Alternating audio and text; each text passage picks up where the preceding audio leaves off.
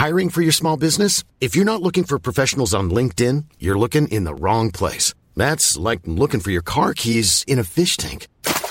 LinkedIn helps you hire professionals you can't find anywhere else, even those who aren't actively searching for a new job but might be open to the perfect role. In a given month, over 70% of LinkedIn users don't even visit other leading job sites. So start looking in the right place. With LinkedIn, you can hire professionals like a professional. Post your free job on linkedin.com slash people today. Hey, I'm Ryan Reynolds. Recently, I asked Mint Mobile's legal team if big wireless companies are allowed to raise prices due to inflation. They said yes. And then when I asked if raising prices technically violates those onerous two-year contracts, they said, what the f*** are you talking about, you insane Hollywood ass?" So to recap, we're cutting the price of Mint Unlimited from $30 a month to just $15 a month. Give it a try at mintmobile.com slash switch. $45 upfront for three months plus taxes and fees. Promo rate for new customers for limited time. Unlimited more than 40 gigabytes per month. Slows. Full terms at mintmobile.com. Hallå! Simon Gärdenfors heter jag och snart börjar min podcast Arkivsamtal. Som klipps av min redaktör Marcus Blomgren. Mycket nöje!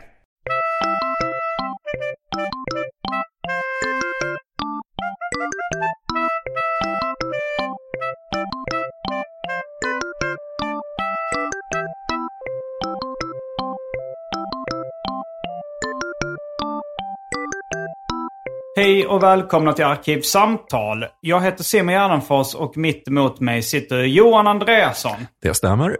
Och som vanligt när Johan Andreasson är gäst här så ska vi prata om tecknat. Japp. Det har vi gjort alla gångerna. Ja, det har vi gjort. Eh, Alltså det enda gången som, eller den enda lilla, lilla avvikelsen är att vi hade ju en podd där vi pratade om eh, spelfilmer, men som då handlade om serietecknare. Ja. Så det, du är ju serietecknare, eh, serievetare kan man väl kalla det också. Ja, på, Och, på eh, något sorts liksom amatörnivå. Alltså jag, Mm. eh, det, på något sätt, jag tror det, du är väl likadan där, att för mig fun det funkar så att blir jag intresserad av något så vill jag liksom alltid gå till botten med det. Så, Mm. så att när jag, när jag började teckna serier själv så då ville jag liksom läsa ja, från, från början. Liksom, hur, hur började det här och hur såg det ut? Och det har varit likadant med, med film, att jag liksom går tillbaka till ja, 1910-talet och tittar framåt. Eh, Mm. Du har ju en filmpodd också. Ja, det stämmer. Jag, eller jag, jag är deltagare i en filmpodd Ja. kan man säga.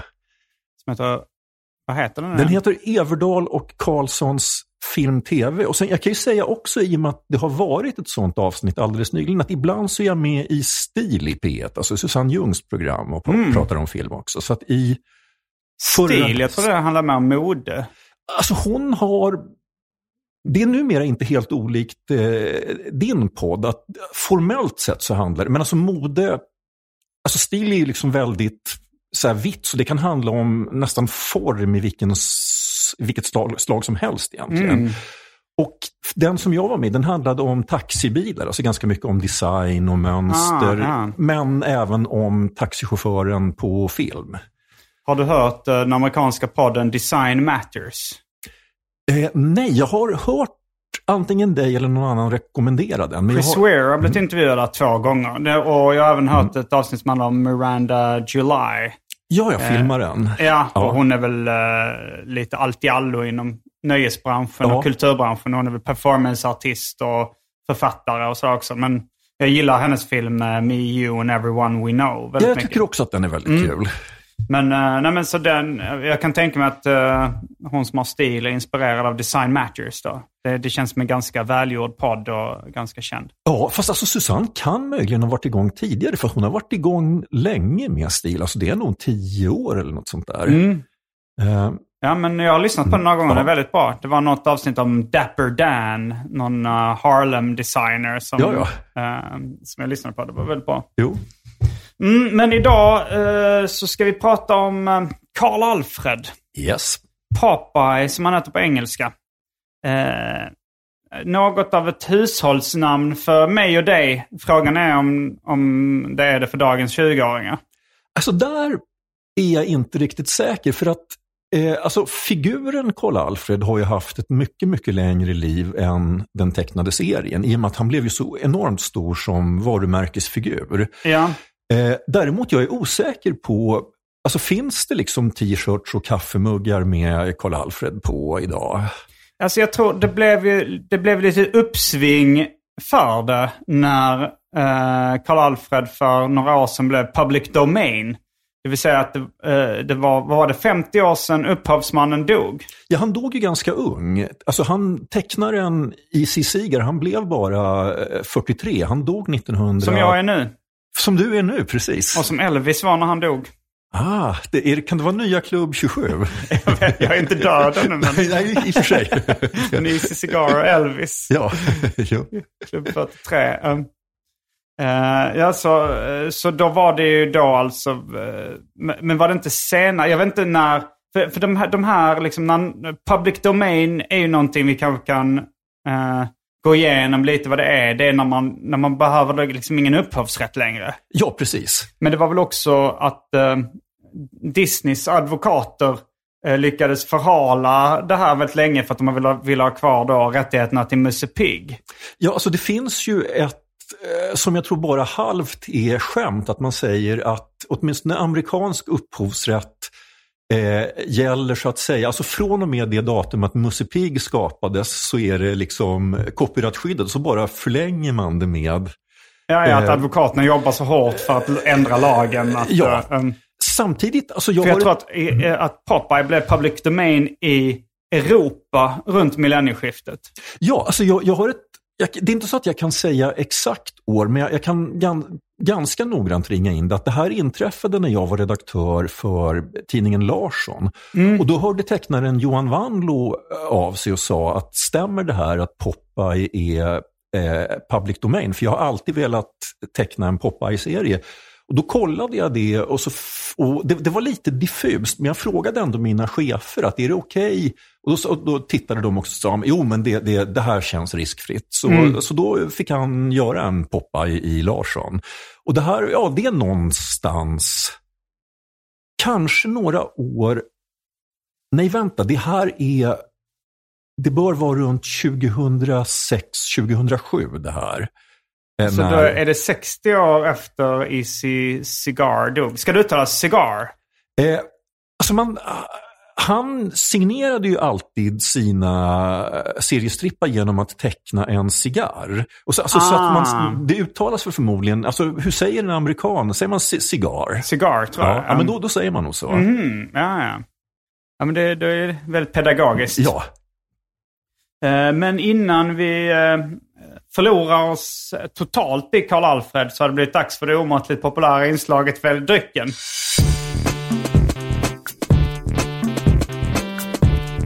Jag tror vi börjar med det fasta inslaget Välj drycken. eh, och då kommer alternativen här. Dubbel trubbel starköl 8,1 procent. Eh, Norrlands guld 3,5. Strömmans nejpa 6,6 procent är också en öl då. Sen har vi en öl. Jag har fått lite öl från uh, en man uh, som jag köpte med mitt Pac-Man arkadspel från. Han brygger också öl. Uh, och han har gjort en öl som heter See You In Tokyo Bitch. IPA. 6,5 procent. sen har vi Nicka Whisky. Två sorters, whisky, två sorters Nicka Whisky har jag. de verkar vara lite slut från Systembolaget. vi hade ett arkivsamtal om dryck och eh, då rekommenderar äh, Nicka Coffee Grain Whisky. Och då fick jag mycket meddelanden angående den. Och är det den här man ska köpa? Och sen ganska snabbt, nå, nu är den slut från lagret. Ah, okay. Så det är arkivsamtal-effekten. Tänk på det alla potentiella sponsorer där ute. Um, mm, och sen har vi Bourbon som står bakom det. Uh, Bullet Bourbon då. Uh, Hennessy, konjak, Grand Marnier, Dry Martini, vodka, rom. Drinken Hawaii Gay Club. Det finns Fanta Zero. Det finns... Uh, ska se vad jag har skrivit här. Jag kan inte läsa min egen handstil. Mer passion. Det finns champagne. Och det finns uh, alkoholfri Heineken. Sen finns det häxblandningen. Det vill säga alla drycker som finns, fanns i min kyl innan den genomgick en så kallad corporate rebranding. Och för tråkmånsar och nejsägare vatten.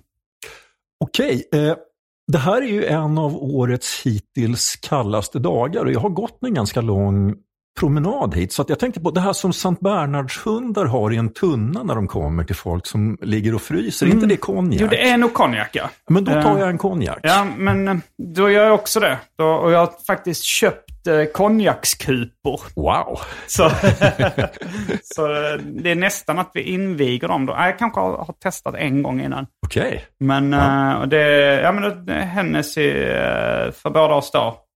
Och, eh, men det känns ju också lite old school på något sätt att dricka konjak. Ja. Eh, Och vi, vi ska ju röra oss mycket runt 20-talet. Ja. Eh, eftersom Karl Alfred debuterar på 20-talet? Frågetecken. Ja, 29. Mm. Då är vi strax tillbaks med dryckerna kända från det omåttligt populära inslaget Välj drycken. Häng med!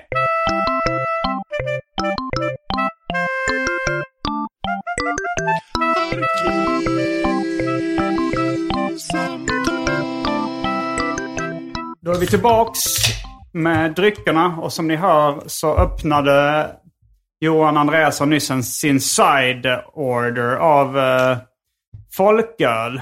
Norrlands guld direkt ur burken.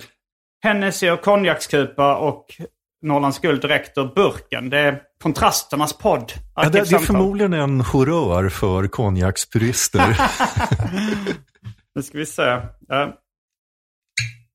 Det var, jag öppnar konjakskorken där. Mm. Ja. Häller upp en liten slurk. Yes, men då är vi igång.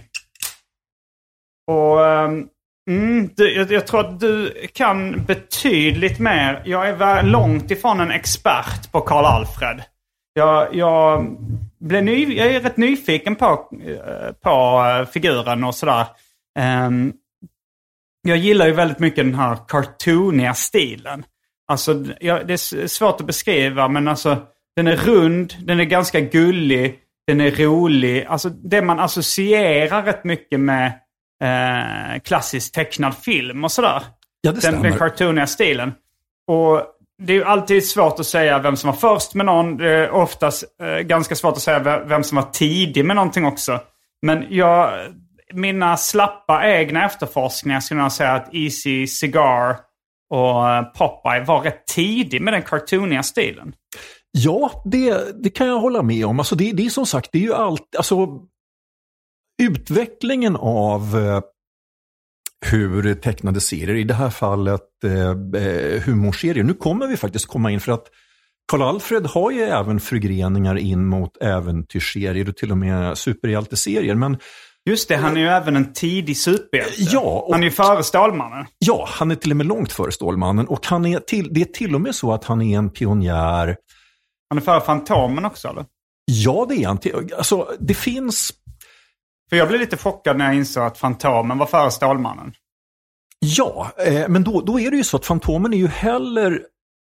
Alltså det finns ju folk som inte godkänner Fantomen som superhjälte. Att han inte har några superkrafter. Nej. Däremot så då, Karl Alfred har ju på sätt och vis det därför att han, han är lite som Bamse, alltså han får det här är då i och för sig mer de tecknade filmerna än tv-serien, men det förekommer i serien också att han får åtminstone delvis sina krafter genom att äta spenat. Men då, då blir han ju superstark. Och sen, det här var en av dem, eftersom jag visste att vi skulle komma till den frågeställningen, så eh, letade jag i tidig Popeye efter hur, men hur mycket... I tecknade serien då? Ja, i tecknade serien. Att hur Inte mycket... den film, tecknade filmbolag. Nej, det stämmer, för de kom lite senare. I och för sig också tidiga, de börjar 33. Var det Flightshare Animation Ja, Studios? det som är det. Och Mm. de är ju också, alltså jag tycker inte alls att de är lika bra som serien, men de är, det är roliga tecknade. Alltså framförallt så är de väldigt snygga. Så de är, det är ja, verkligen. så att är det den här cartooniga designen man är ute efter så är nog eh, filmerna nästan liksom ännu mer stilrena än, än serien. Men det, det jag tänkte komma till var att när jag så att säga letade då efter, eh, men hur mycket superhjälte var han egentligen? Då var han så att säga mer superhjälte än vad jag riktigt hade klart för mig. För att det förekommer avsnitt där folk kan skjuta honom med revolver utan att han dör. Det förekommer en scen... Studsar kulorna av honom eller? Alltså det... det är inte riktigt så att de studsar, men de, de, de, man får liksom ta ut bråttom, men han, han dör ju inte. Och de, kom, de tränger inte in i Nej, de han- tränger inte riktigt in. Och sen, inte så långt senare, så är det någon som försöker avrätta honom. De vill hugga huvudet av honom med svärd, men det går inte på grund av ha- hans oerhört starka nackmuskler. och ännu lite senare så kommer en scen där han, han är ute i öknen och det finns ingen, inget annat att dricka än eh, vatten som han vet är förgiftat. Men då, då tänker han att äh, men det här klarar han nog, han är ju en kraftkar. Ja. Så han dricker vatten och tycker att det smakar lite konstigt, men han, liksom, han blir inte det minsta dålig av det. Nej. Och då är det någon, jag tror till och med de konstaterar i en, en pratbubbla, men, men är, but is he a Superman? Så det står till och med Var Superman. det innan Stålmannen då? Ja, det här är så åtta, nio år före För att Stålmannen. begreppet Superman fanns väl innan Ja. liksom, seriefiguren Superman eh, skapades av Siegel och Schuster? Ja, alltså det här har jag sagt i podden en gång tidigare utan att någon protesterat. Så då, då tänker jag hävda att det var filosofen Friedrich Nietzsche som, eh, eh, som, som introducerade begreppet, alltså Übermensch, eh, övermänniska. Mm, och det översattes till Superman på Ja, engelska. Det, det är min historieskrivning och det var åtminstone för, det har väl legat ute i ett år eller någonting utan att någon har klagat. Så. Då får vi säga att det är verifierat. Ja. Men, men, men så att säga, för, för nu, nu hoppade vi så att säga lite, i och med att Ja, det gjorde vi. In medias res. Ja, exakt. Att, alltså, Karl Alfred han är liksom pionjär på så många sätt, så nu, nu tog vi superhjälten direkt. Men alltså, om, om vi talar om den här kartoniga teckningsstilen så är det ju så att det är så att säga en, en gradvis utveckling. Men alltså, tittar man på betydligt, vi har ju pratat om Rube Goldberg. Just det. Och han är ju, alltså det är väldigt tydligt så att Sigar har ju läst Goldberg, eh, och, men han, så att säga, alltså, Goldberg har ju liksom, det är mer så här crosshatching, mer tunna linjer. Det, det är inte riktigt så att Sigar har ju liksom en renare stil, alltså han, han har förenklat stilen och han har, han har liksom eh, ett färre antal eh, tuschlinjer. Och det är svårt att sätta fingret på vad som är det cartooniga. Men det Ja. är lite det här lite skojiga, det enkla, det runda. Ja. Eh, om, man- om man tänker att eh, ja, men Musse Pigg är väldigt cartoonig och Papa är det. Mm. Ja.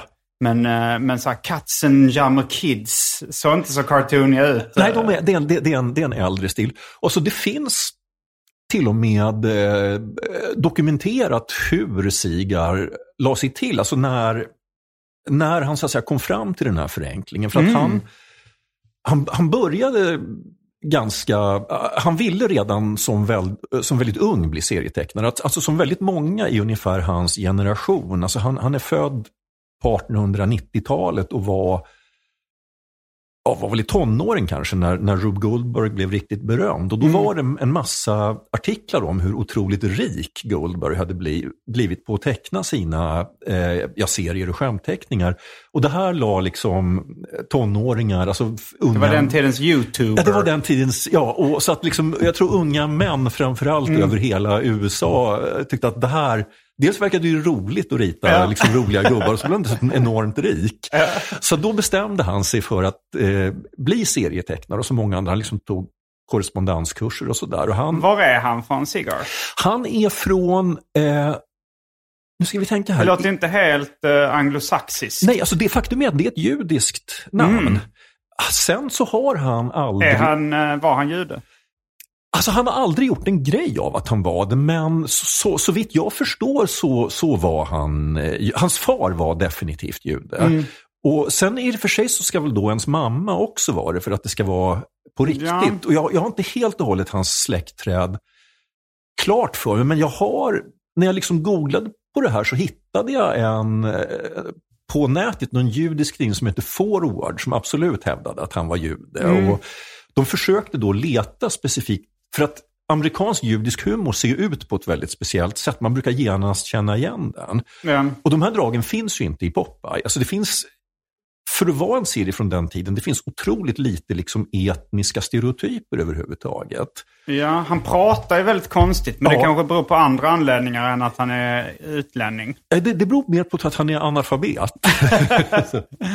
Men jag tänkte också det här att, eh, jag tror det var Judiska museet här i Stockholm som hade en serieutställning. Det Ja. var nå, någon ställe, och då, då tyckte jag att de skarvade lite för mycket. För de hade så Robert Crumb, så här okommenterat. Och jag, jag sa till dem så här, Han är inte jude. Nej, han är ju katolik. Ja, ja han är född och de säger ja men hans fru är judinna Ja, ja. och ja, han, eh, de försökte, de, de skrev inget om de försökte Ja, ja. eh, skarva in det där liksom. Ja, vi säger ingenting, hoppas på att ingen klagar.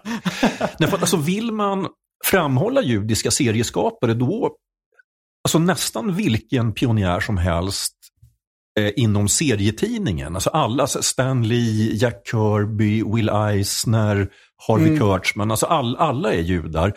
Däremot är de betydligt ovanligare när det eh, inom dagspressen och det, det, det är helt enkelt lite så gammal ohederlig amerikansk eh, rasism. Att För svarta var det så att säga nästan omöjligt. Det fanns ju en enda svart eh, serie, alltså tidningsserietecknare på den tiden, alltså dagstidningsserietecknare. Och det, det klarade han därför att han var så vit att ingen visste att han hade, så att säga svarta rötter. Det var George Harriman som tecknade Crazy Cat. Och sen finns det ju. Han ser ju ganska vit ut tycker jag på foton. Ja, det, det gör han. Han var ljushyad och han, det enda så att säga som man såg så att det här så att säga, afroamerikanska ursprunget, det var eh, på håret. Och han har ju då mycket riktigt nästan alltid hatt på sig på bilder. Och han hade nästan alltid hatt på sig inomhus också. Däremot, det, det, det finns ett, ett antal Eh, till exempel Al Cap som skapade knallhatten, han hette Caplin från början och, och var jude. Och det finns av de här riktigt gamla, det fanns någon som hette... Siegel och Schuster var väl i dagstidningar ett tag också? Men... Ja, fast bara tack vare att de först blev så enormt populära. Alltså serien blev så stor som serietidning att därför släpptes de in i dagspressen. Jag, jag, jag minns inte exakt när Superboys-boken jag läste nu, men de eh, var väl rätt tidiga med att försöka få in den som Ja, det- dagspress. det- det- det stämmer. Men Alltså- det alltså kanske på- inte lyckades. Nej, alltså på det, på det sättet var de väldigt typiska för judiska serieskapare. Att de, deras dröm var att göra en dagstidningsserie, men, men där släpptes de inte in och då gick de till serietidningsförlag som inte var så nogräknade. Och dessutom så drevs serietidningsförlagen också i regel av judar, så där, där var de liksom hemma. Men, men kan det ha varit en grej då med E.C. Segar att han...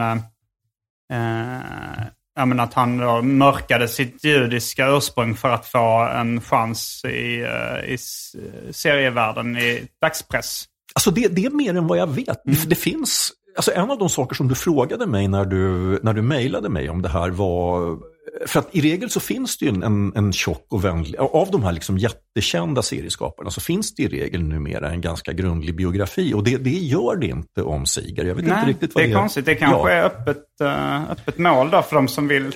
Ja, det, Alltså det kanske inte är en svensk som ska skriva det, men om det är någon svensk-amerikan som hör Mm. Ja, det ja. här, så sätt igång. Ja, men alltså hur som helst, vi började med varifrån han kom och han, hur är det nu, Chicago det är väl Illinois? Där, Ja. Ja, så han kom från en småstad i Illinois, men så att säga, närmaste stora stad var, var Chicago. Och hans, alltså det som verkligen var Sigars... Han föddes eh, sekelskiftet. Ja, alltså han dog 38 och var då 43 år gammal. Så det måste betyda att han är född 1896 eller 97 någonting. Va? Mm. Eh, och det här, det här är en, en liten, det det är en småstad verkligen. Och det som Du kommer inte ihåg vad den hette? Den... Chester heter den. Chester, Ja, ah, nu, nu okej. kommer jag på det. Eh, eh, och alltså han blev ju då, eh, han bestämde sig för att bli serietecknare, men det var för att han läste hur mycket pengar man kunde tjäna på det. Hans så att säga, passion eh, som, som barn och i ungdomen, det var film. Och han lyckades till och med få börja jobba som biografmaskinist i Chester. Alltså först var han bara någon sorts hjälpreda på biografen, men sen så fick han, och det här är alltså, det här är så tidigt, alltså det här är på 1910-talet, eh, att de var ju handvevade de här projektorerna, så det, det krävdes rätt mycket skicklighet för att kunna, en, en stadig hand. Ja. Eh, men han, han, han var också han var väldigt eh, stolt över det här. Så att, alltså, precis som Karl Alfred så hade Sigar en tatuering, men han hade inte ett ankare, utan han, han, på hans underarm så stod det P, nu ska vi se, eh, MOP, som var Motion MPO, Motion Picture Operator. Han var, Aha. han var så stolt över att ha varit biografmaskinist. Det var kanske där hans fixering vid kraftiga underarmar Ja, kom då vem också. vet, men det, det måste ju ha haft en viss betydelse. Men eh, ja, det, och han, så han bestämde sig för att bli serietecknare när han läste den artikeln om... Om eh, Goldberg, Ro- Goldberg och, och hans en oerhört höga inkomster. Mm. Och, eh, och började... Och vad, och vad var hans första, liksom... Vad, började han som tecknare någonstans? Alltså hans första, när han liksom visade teckningar för folk för första gången, det gjorde han när han jobbade som biografmaskinist. Alltså det var ju, man hade ju liksom ganska mycket, alltså filmerna var inte så långa så man liksom bytte ganska ofta. Man visade liksom, eh, det var väl kanske ett kortfilmsprogram och kanske lite annan underhållning. Så att Fanns han, det tecknade filmer då? På... Ja, det fanns det, men det var inte det som han, för det, det var liksom över hans nivå. Men det, det han gjorde var att han, liksom i korta pauser och sådär, så gjorde han eh, karikatyrteckningar av, alltså det, här, det här var alltså en riktigt liten stad så att alla kände alla. Så att han gjorde karikatyrer på folk från stan som han liksom visade som diabilder fast på, på duken, liksom, Aha. mellan filmer. Eh, och det här så att säga hängde med hela vägen till Karl Alfred. Så att i stort sett alla de här kända figurerna från Karl Alfred är en sorts karikatyrer av folk Från i- Chester? Från Chester. Jaha. Att, så att Popeye själv, han var en eh, enögd, alltså ungefär, jag har lite svårt att liksom tolka hur utslagen han var, men alltså typ luffare eller nästan uteliggare, men o, som var oerhört stark. Och han jobbade som utkastare på den lokala baren. Wow, det här har jag missat helt. Att det Eh. fanns en sån tydlig eh, liksom, förlaga. Och alltså även den här, alltså Wimpy eller Frasse, det var hans... Han som eh, alltid äter hamburgare. ja, och det Som var- eventuellt den svenska hamburgerkedjan Frasses har snott eh, Ja, och definitivt den amerikanska kedjan Wimpys. eh, är, De har väl förmodligen då betalt pengar. Ja, precis. Det, det är en licens. Eh, men det, den här eh, så att säga, korpulente mannen som gillade hamburgare, det var hans chef på, på bion där han jobbade. Mm, ja. Och sen finns det lite olika uppgifter om... Men fanns det hamburgare så tidigt? Japp, det gjorde det. För att jag, jag antar att det som du tänker på är väl förmodligen när de här stora kedjorna kom. Alltså McDonalds framför allt. Och det, det är ju efter andra världskriget. Eh, men Wimpy då, eller Frasse och hamburgarna, det, det kommer i serien tidigt på 1930-talet. Och då, då är hamburgare för eh, amerikaner alldeles uppenbarligen ett eh, etablerat begrepp. Och alltså en av Sigars stora begåvningar var att hitta på catchphrases till sina figurer. Och eh, Frasse då, eller Wimpy, hans så att säga absolut eh, mest karaktäristiska egenskap var att han var en snåljåp och en snyltare. Han ville aldrig betala för någonting. Så att hans catchphrase var att han gick fram till någon som sålde burgare och sa I'll gladly pay you Tuesday for a hamburger today. och, Ja. ja, de där pengarna fick man ju sen aldrig. Jag tycker att det är alltså, ganska roliga replik även idag så här eh, hundra år senare. Ja, det, jag tycker absolut att, eh, alltså om man, så att säga, ska man bara liksom rekommendera någon som inte är van vid att läsa eh, nästan hundra år gamla serier så är Karl Alfred då, eller eh, alltså ännu hellre läs den på engelska för dialogen är så otroligt kul. Är ett väldigt bra ställe att börja på för att eh, han har eh, väldigt, väldigt kul dialog. Alltså, framförallt då den här, alltså han är så bra på just de här väldigt starka, väldefinierade figurerna och, och de, de får ju då de här liksom replikerna som, som så väl liksom beskriver deras personlighet. Att en, en annan sån här catchphrase som eh, ja, Wimpy då, eller Frasse hade, eh, för att han vill, han vill ju alltid smita undan. Så om, om det är någon som är förbannad på honom och kommer, men hallå där, är inte du Frasse? Så, han, no, you have, you, you have me mistaken for someone else. My name is Jones. I'm one of the Jones boys. och det, det här blev liksom någonting som folk sa. Att Mm. det, jag hittade när jag liksom satt inför det här så bara satt jag liksom och googlade på eh, alla möjliga saker som hade med Karl Alfred att göra. Mm. Och då var det en språkforskare som hade gjort en graf för uttrycket I'm one of the Jones boys. Okej. Och, det, och det har en enorm topp sent 30, tidigt 40-tal. Så att Alltså Karl Alfred var rätt mycket som, jag vet inte, typ kanske filmer eller som... Men jag tänker Seinfeld var ju någonting alla Ja. citerade på Ja, precis. 90-talet. Ja. Och det, och det, det var, finns ju någon sån... eh, Och de pratar om The Van Buren Boys som Ja. låter som något liknande Ja. där. Men, Och en, en annan sån där ofta, eller på den tiden i alla fall, ofta citerad eh, eh, Wimpy eller Frasse-fras. För att han var ju då han var snål och han var dessutom eh, oerhört eh, feg. Så att om man märkte att han hade retat upp någon med sin irriterande snålhet så sa han, Let's you and, sen säger han till någon annan att Let's you and him fight. att, att några andra ska slåss ja, någon annan ska ta hans eh, fight. ja, det är ju kul. Jag är ja. också stor, stort fan av Joe Matt, skaparen. Mm. Och han han är också stor uh, Popeye-fan och ja. skriver att han, han skrattar högt när han läser dem fortfarande. Ja. Jag, jag har inte riktigt, alltså jag, jag har inte läst så jättemycket Karl-Alfred mm. och inte sett. Alltså första gången jag såg honom var nog när jag var sex år gammal och uh, var i USA. Och det var väldigt mycket tecknad film på tv ja. där. Och då var det Popeye uh, som jag kollade på. Men för jag vet inte riktigt hur det, det, har ju funnits serietidningar i Sverige också. Det ja. bör ju ha gått på tv i Sverige. Men det var ingen liksom vanlig grej på tv som jag minns Nej, det var det var inte. Utan i Sverige så var det faktiskt den tecknade serien som var riktigt känd. Alltså den publicerades i veckotidningar och det fanns till, till och med en... Var den tecknad av Cigar då? För alltså, att det, det känns han... som en annan stil i de här svenska serietidningarna. Alltså det beror väldigt mycket på vilken eh, tid vi är på. Men alltså Karl-Alfred blev enormt populär över, över hela världen. Så att eh, Sigars Karl-Alfred har säkert gått i svenska veckotidningar.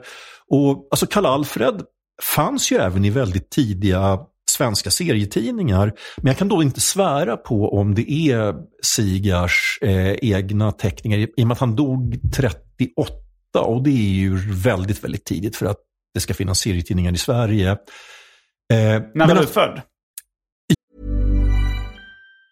Planning for your next trip? Elevate your travel style with Quince. Quince has all the jet-setting essentials you'll want for your next getaway, like European linen, premium luggage options, buttery soft Italian leather bags, and so much more. And it's all priced at 50 to 80% less than similar brands. Plus, Quince only works with factories that use safe and ethical manufacturing practices. Pack your bags with high-quality essentials you'll be wearing for vacations to come with Quince. Go to quince.com slash trip for free shipping and 365-day returns. I'm Sandra, and I'm just the professional your small business was looking for. But you didn't hire me because you didn't use LinkedIn Jobs. LinkedIn has professionals you can't find anywhere else, including those who aren't actively looking for a new job, but might be open to the perfect role, like me.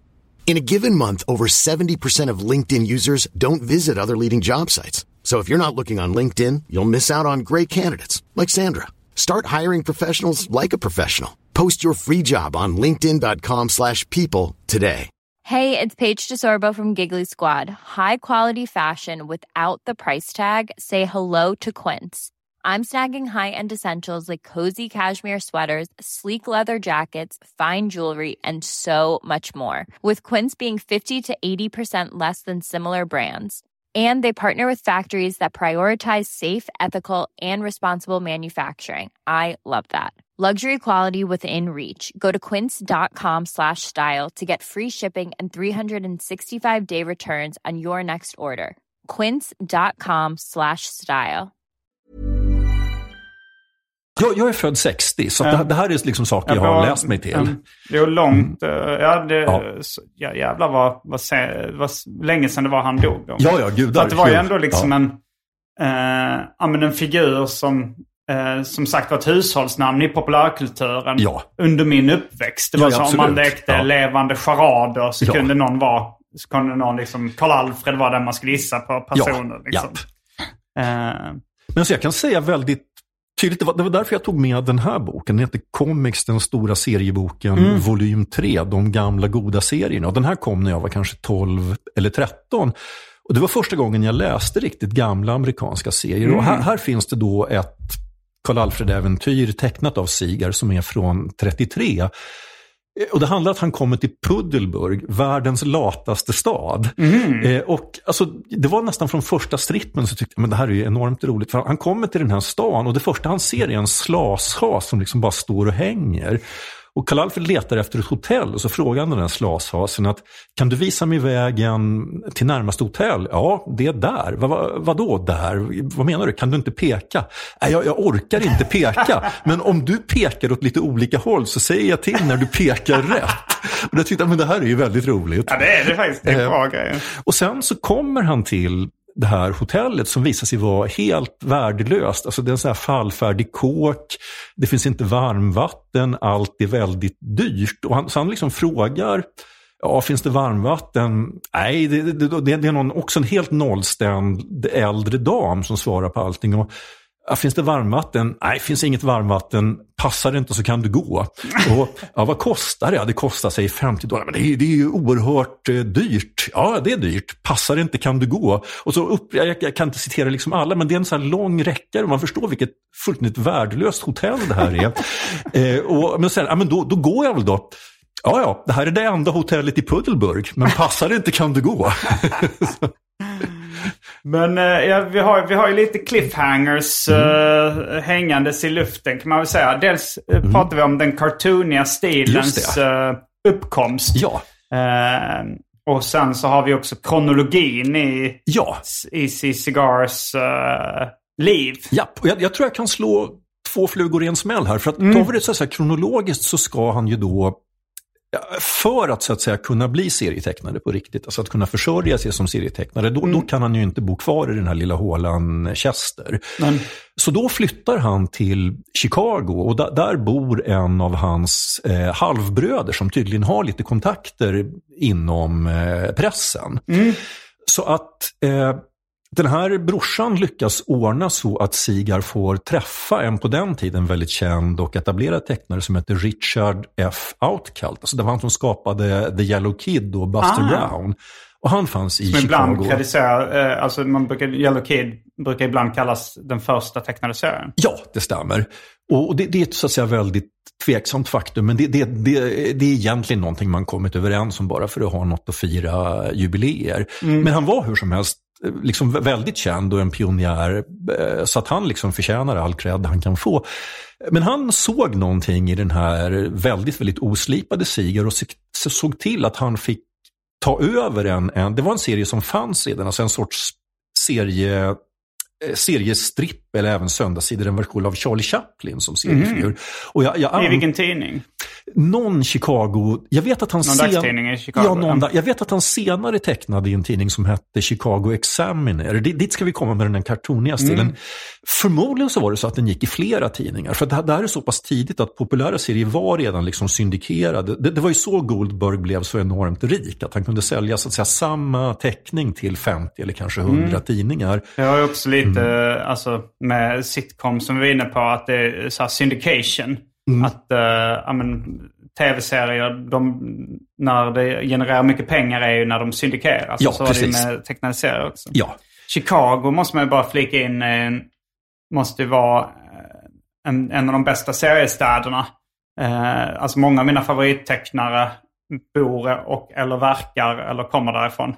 Alltså eh, Chris Ware, Mm. eh, Jeffrey Brown, Ivan Brunetti och eh, jag tror även att eh, King Cat Comics and Stories, alltså vill säga John Porcellino, att han är där från Illinois-trakten. Ja, ja, och det finns gamla rötter också. Alltså, eh, Chester Gold som tecknade Dick Tracy kom från Chicago. Ehm, så det, det, det finns en, en hel del av de här Alltså man kan säga att det fanns väl egentligen två eh, centrum för, för eh, där det liksom skapades och eh, sen spreds över hela landet. Och det, den ena stan var Chicago och den andra New York. Eh, men hur som helst, här kan jag tänka mig att, för att alltså Sigar, jag har sett lite exempel på hans Charlie Chaplin-serie och han, han var verkligen ingen bra tecknare. Alltså om man är Alltså är man en person som väldigt gärna vill bli serietecknare och känner att man, man inte tecknar något vidare så är det kan vara väldigt så här, lugnande att titta på Sigars första serie. För han, han var verkligen någon som jobbade sig till att, att lära sig teckna. Det sägs så att Frank Miller var rätt dålig tecknare i början också när han gjorde fanzine. Ja, det kan jag tänka mig. Eh, och eh, alltså där är det ju helt enkelt så att man det man behöver, åtminstone som berättande serietecknare, det, det, det är den här berättarförmågan. Och sen kan man på något sätt lära sig teckna till liksom den nivå som storyn För kräver. sen blev han ju fantastisk tecknare. Ja, ja. Eh, Cigar. Ja, ja han, han blev oerhört skicklig. Och då, då kan vi så att säga komma till den här kartoniga stilen. Därför att den här Chaplin-serien, den blev inte så eh, långlivad. Och ett tag så var han arbetslös, han behövde hitta ett nytt jobb. Och då, nu hoppas jag att jag säger rätt, men det var i alla fall en annan Chicago-tidning, jag tror att den hette Chicago Examiner.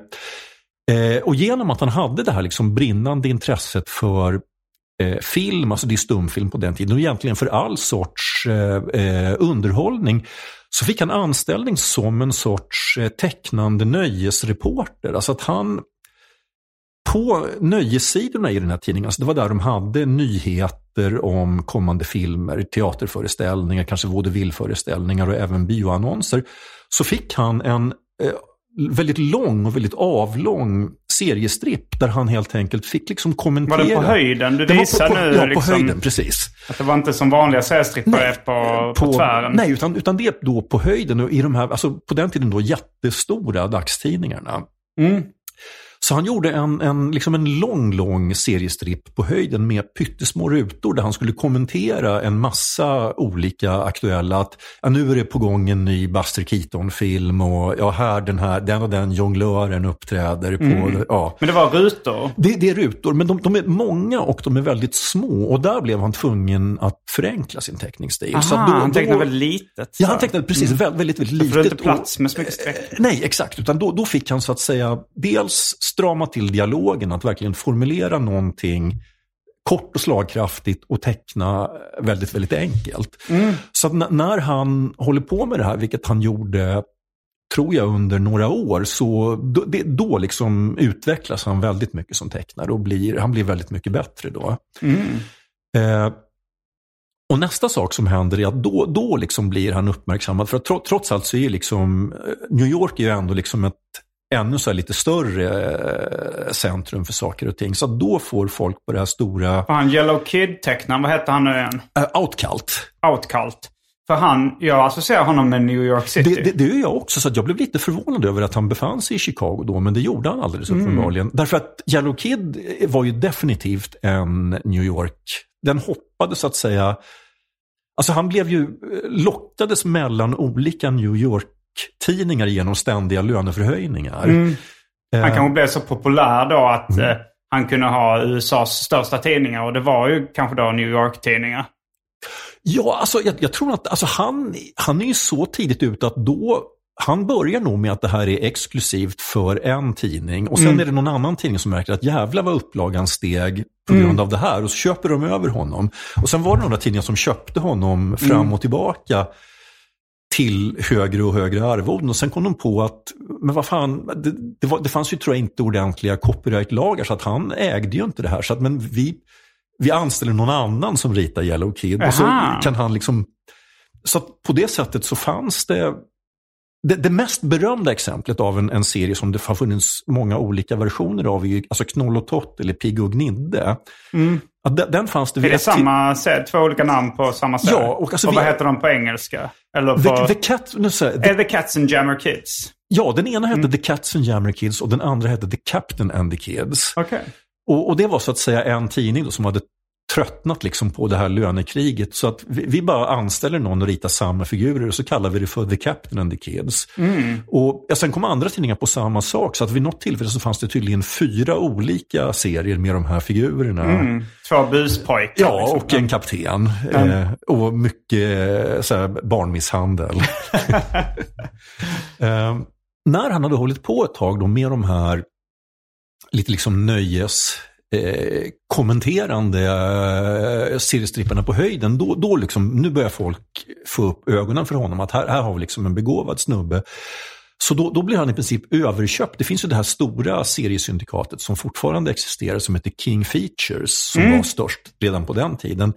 Så att han blev kallad till New York och fick då i uppdrag eh, att göra eh, någonting liknande.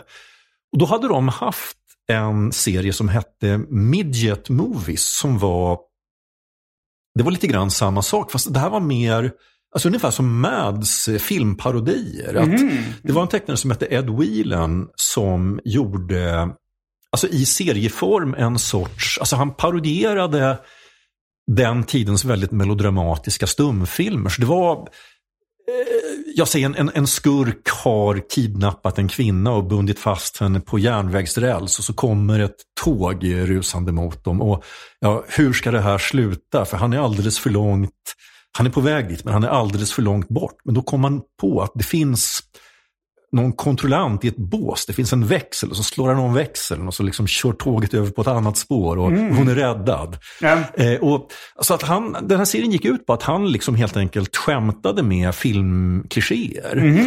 Eh, och den här tecknaren då, han slutade där och stack någon annanstans med sin idé. Och då ville de att Sigar, för de kände ju till de visste att han hade det här filmintresset och han hade visat det i den här Chicago-tidningen då att han kunde liksom göra roliga kommentarer om, ja, om film framför allt. Så då fick han en, en beställning att göra en serie som skulle heta eh, Thimble Theater.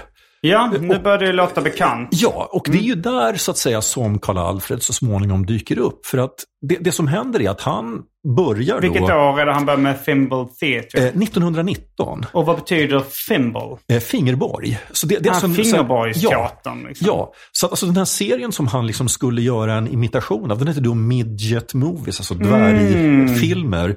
Och då, ja, vi, det är lite grann som... ehm, Men Looney Tunes, Merry Melodies, så att Ja, de eller. Fats Waller och Chubby Checker. Och, Ah, ja. eh, så, ja. Eh, så Midget Movies var populärt, men då kan Fingerborgsteatern, alltså Thimble Theater, det kan Mm. säkert också bli populärt. Eh, Theater kallar man ju biosalongen också. Så Ja, movie, movie Mm. theater, det säger man väl fortfarande, Fortfarande, ja. ibland. Eh, Så 1919. 19. Så- Okej, ja. tio år innan eh, Karl Alfred debuterar Ja, så debuterar serien han gör debut i. Ja, det stämmer. Och den, den börjar ju då som, ja det, det som han fick beställningen på då, att han ehm, eh, Men frågan är då om Karl Alfred debuterade redan som karikatyr när han gjorde de här teckningarna i biografen. När han tecknade av lokala kändisar i Chester. Det, det är mer än vad jag vet. Eh, Så det, det här är ett här, område för framtida forskning. Mm. Eh, Men hur som helst, han, han kör igång i alla fall med de här filmparodierna. Men, men ganska snart, alltså det här är ju trots allt ett ganska begränsat eh, ämne. Alltså till slut, så det blir mer och mer så att han börjar hitta på egna intriger och eh, börjar skapa ett eget eh, figurgalleri. Var de tecknade de här från eh, men 1919? Var de tecknade i någon form av cartoony stil i Thimble Ja, det, Theatre? det är de. Att då, då har han så att säga, alltså han tar ju med sig den här förenklade stilen Mm. som man har lärt sig i Chicago.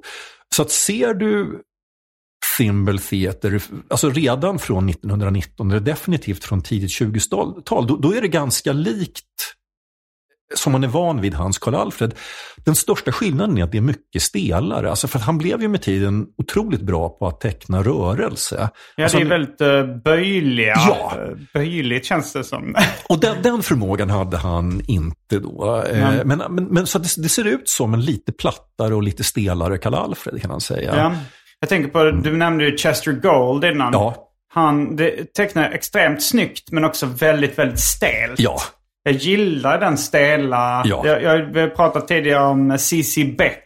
Ja. Som är något av en stel tecknare också. Ja, och eh, Ernie Bushmiller. Ja, absolut. Ja. Ja.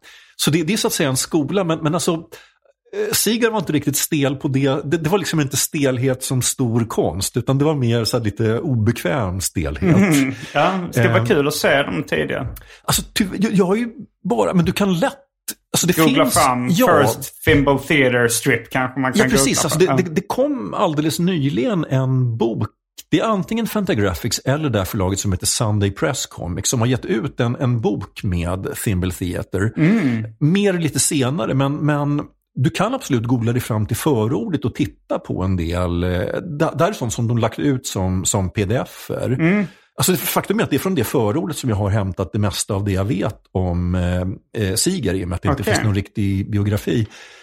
Eh, men hur som helst så, så börjar han då efterhand eh, frångå sitt uppdrag mer och mer. Alltså att han, det blir mer och mer så att han hittar på egna historier och introducerar ett eget figurgalleri. Vilka är de tidiga figurerna? Det är Olivia, alltså Olive Oil, är Mm. väldigt tidigt. Och sen hennes bror Castor Oil. Och alltså Olive Oil, det är naturligtvis då olivolja och Castor Oil, det är resinolja. Mm. Och det stavas lite eh, annorlunda. Ja, lite. Alltså det är oil med O-Y-L Mm. istället för oil O-I-L. Vad heter hon i Sverige i efternamn?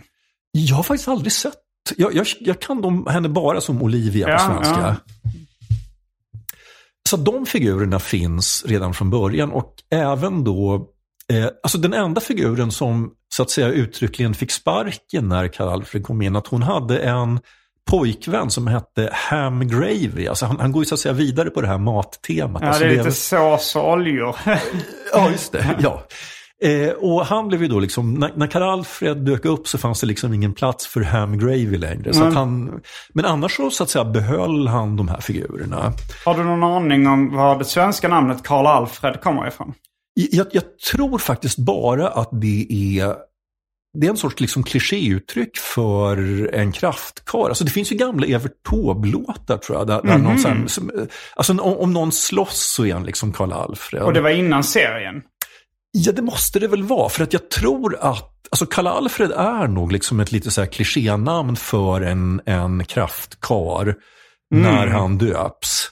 Okej. ja. För att det, Att det, det kanske var, ja, men, när man pratar om Y-barnsproblematiken, att man säger så här, en Conny är en speciell typ, så var en Karl Mm. Ja. En, en det är en, det är en, en, en, en, en, en, riktig, en riktig karl, alltså en man med stora muskler som kan liksom spöa okej, upp folk. ja, det, det, intressant. det är en Karl Alfred. Möjligen har det väl lite så här sjömansvibbar också kan jag tänka mig. Mm.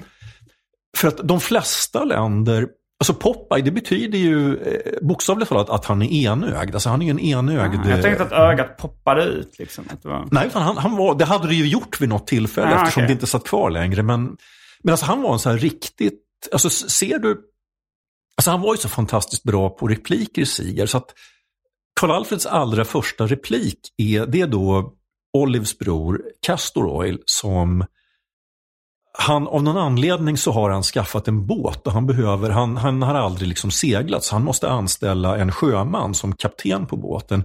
Och då går han omkring i hamnkvarteren och så ser han eh, Karl Alfred och han liksom står och hänger, han har sjömanskostym, han har en sån här liksom skepparmössa, han har ett ankare tatuerat på armen. Eh, och då frågar Castor Isle, eh, Excuse me, are you a sailor? Varpå Karl Alfred svarar, I think I'm a cowboy.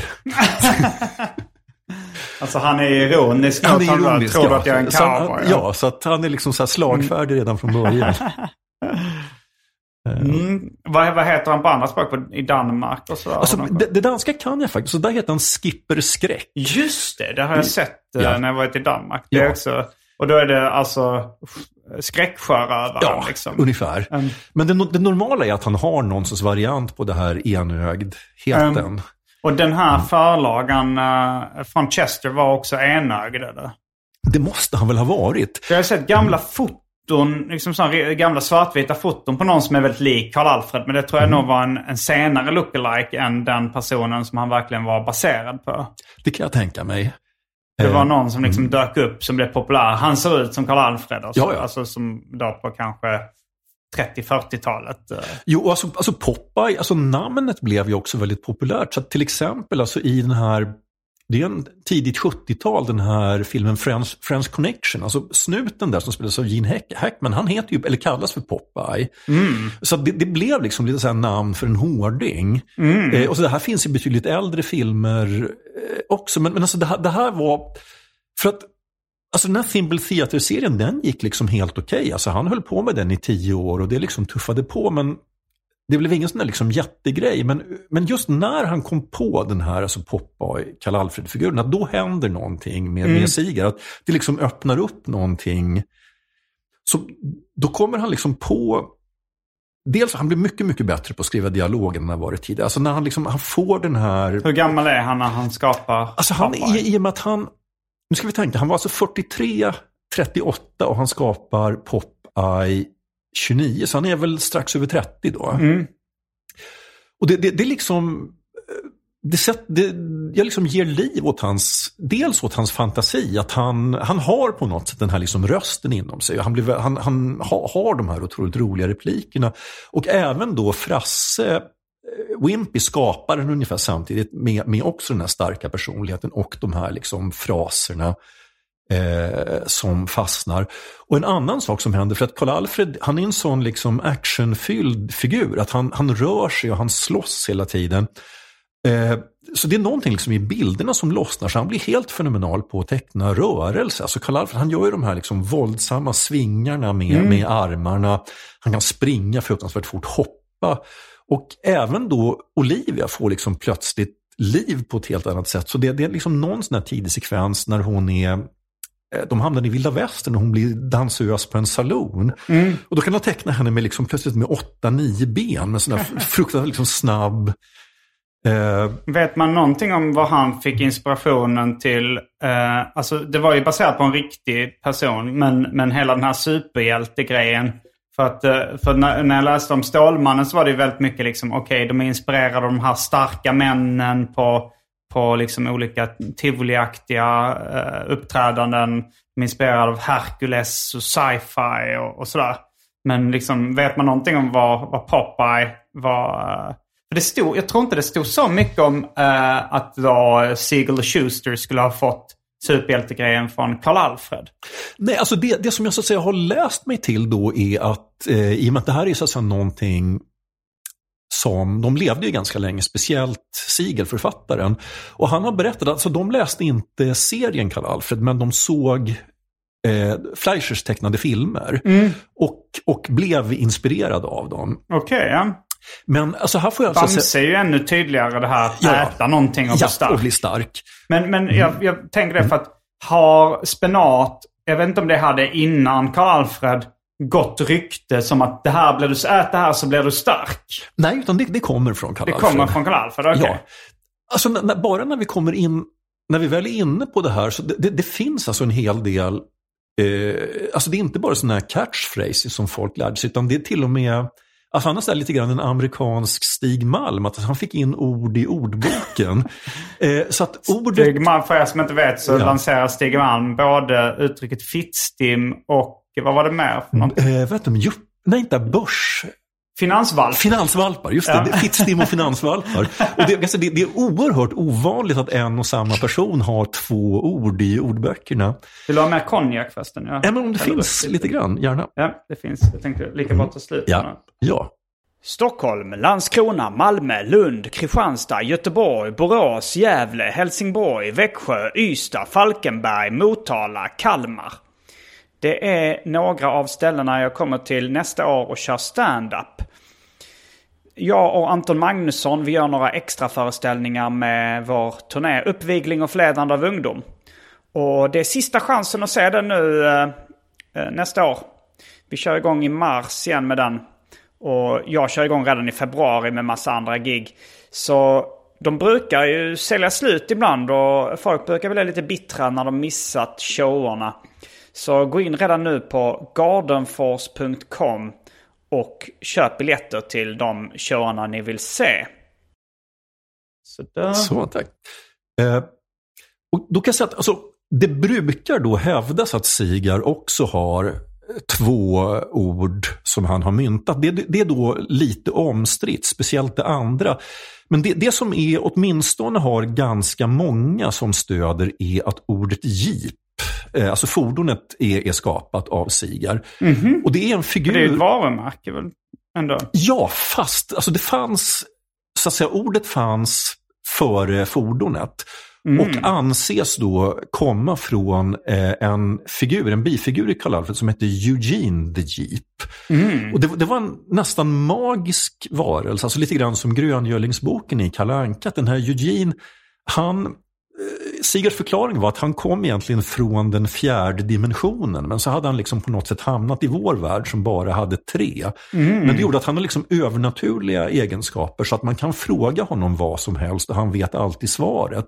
Och han kan också liksom teleportera sig mellan ställen ut, äh, på ett ögonblick. Mm. Och förklaringen är då att det här fordonet, alltså arméfordonet Jeep, att det var liksom an, användbart. Alltså det lanserades som att det här kan man liksom köra i alla väder, i alla sorters eh, terräng. Mm. Och skulle då ha börjat kallas Jeep, därför att det var någonting som man liksom alltid hade nytta av. Mm. Ja, men det, var, det kunde i stort sett teleporteras. Ja, precis. Mm. Ja, det, det är liksom, något som klarar vad som helst Mm. var, en, var en Jeep. Och det andra ordet, och här är det nog strängt taget mer så att han inte har uppfunnit ordet, men, men så att säga, den moderna användningen av ordet kommer definitivt från Kalle Alfred. Det är ordet goon. För han hade en, en figur som hette Alice the Goon som var en sorts monster.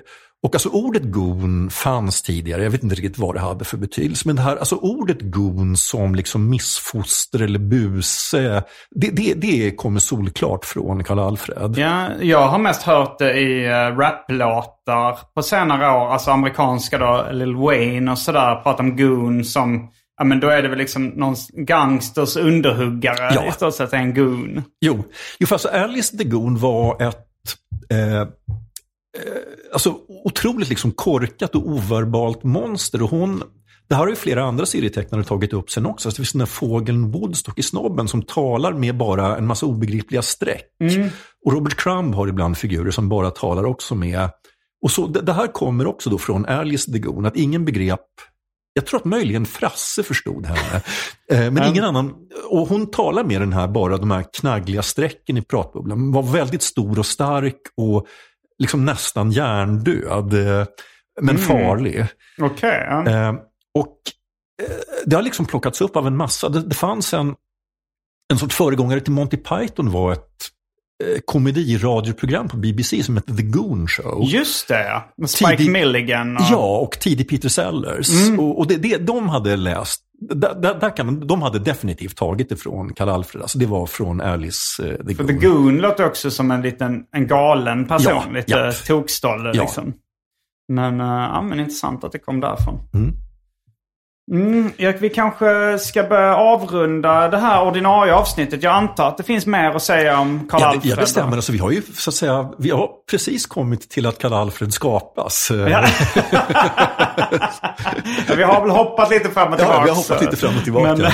Men, men på kronologin så har Ja. han precis skapats. Så ni, ni som är nyfikna på vad händer efter Karl Alfred skapats. Ni får hänga med in i den Patreon-exklusiva delen. Ja, och annars har vi varit lite som Eugene the Jeep och liksom hoppat fram och tillbaka mellan har dimensionerna. teleporterat oss. Ja, Varje vecka så släpper jag ett bonusavsnitt av den här podden exklusivt för er som donerar en valfri summa per avsnitt på patreon.com arkivsamtal.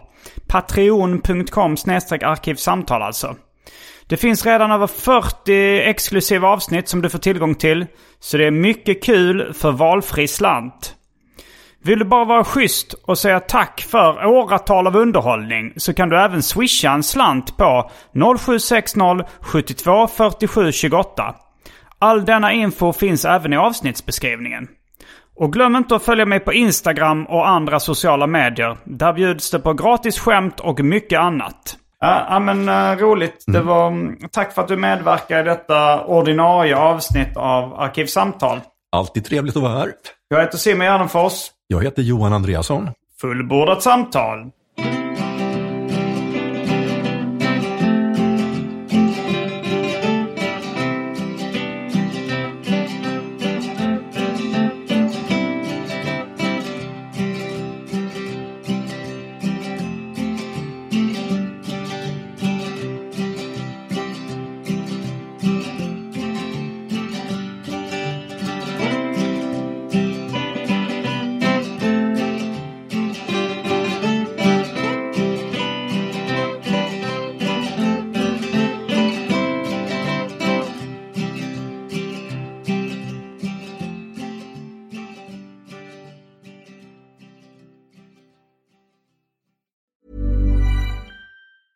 Hi, I'm Daniel, founder of Pretty Litter. Did you know cats tend to hide symptoms of sickness and pain? I learned this the hard way after losing my cat, Gingy. So I created Pretty Litter, a health monitoring litter that helps detect early signs of illness by changing colors, saving you money and potentially your cat's life. Pretty Litter is veterinarian developed, and it's the easiest way to keep tabs on your fur baby's health right at home. Go to prettylitter.com and use code ACAST for 20% off your first order and a free cat toy. Terms and conditions apply. See site for details. Mom deserves the best, and there's no better place to shop for Mother's Day than Whole Foods Market. They're your destination for unbeatable savings, from premium gifts to show-stopping flowers and irresistible desserts. Start by saving 33% with Prime on all body care and candles. Then get a 15-stem bunch of tulips for just $9.99 each with Prime. Round out Mom's menu with festive rosé, irresistible berry chantilly cake, and more special treats. Come celebrate Mother's Day at Whole Foods Market.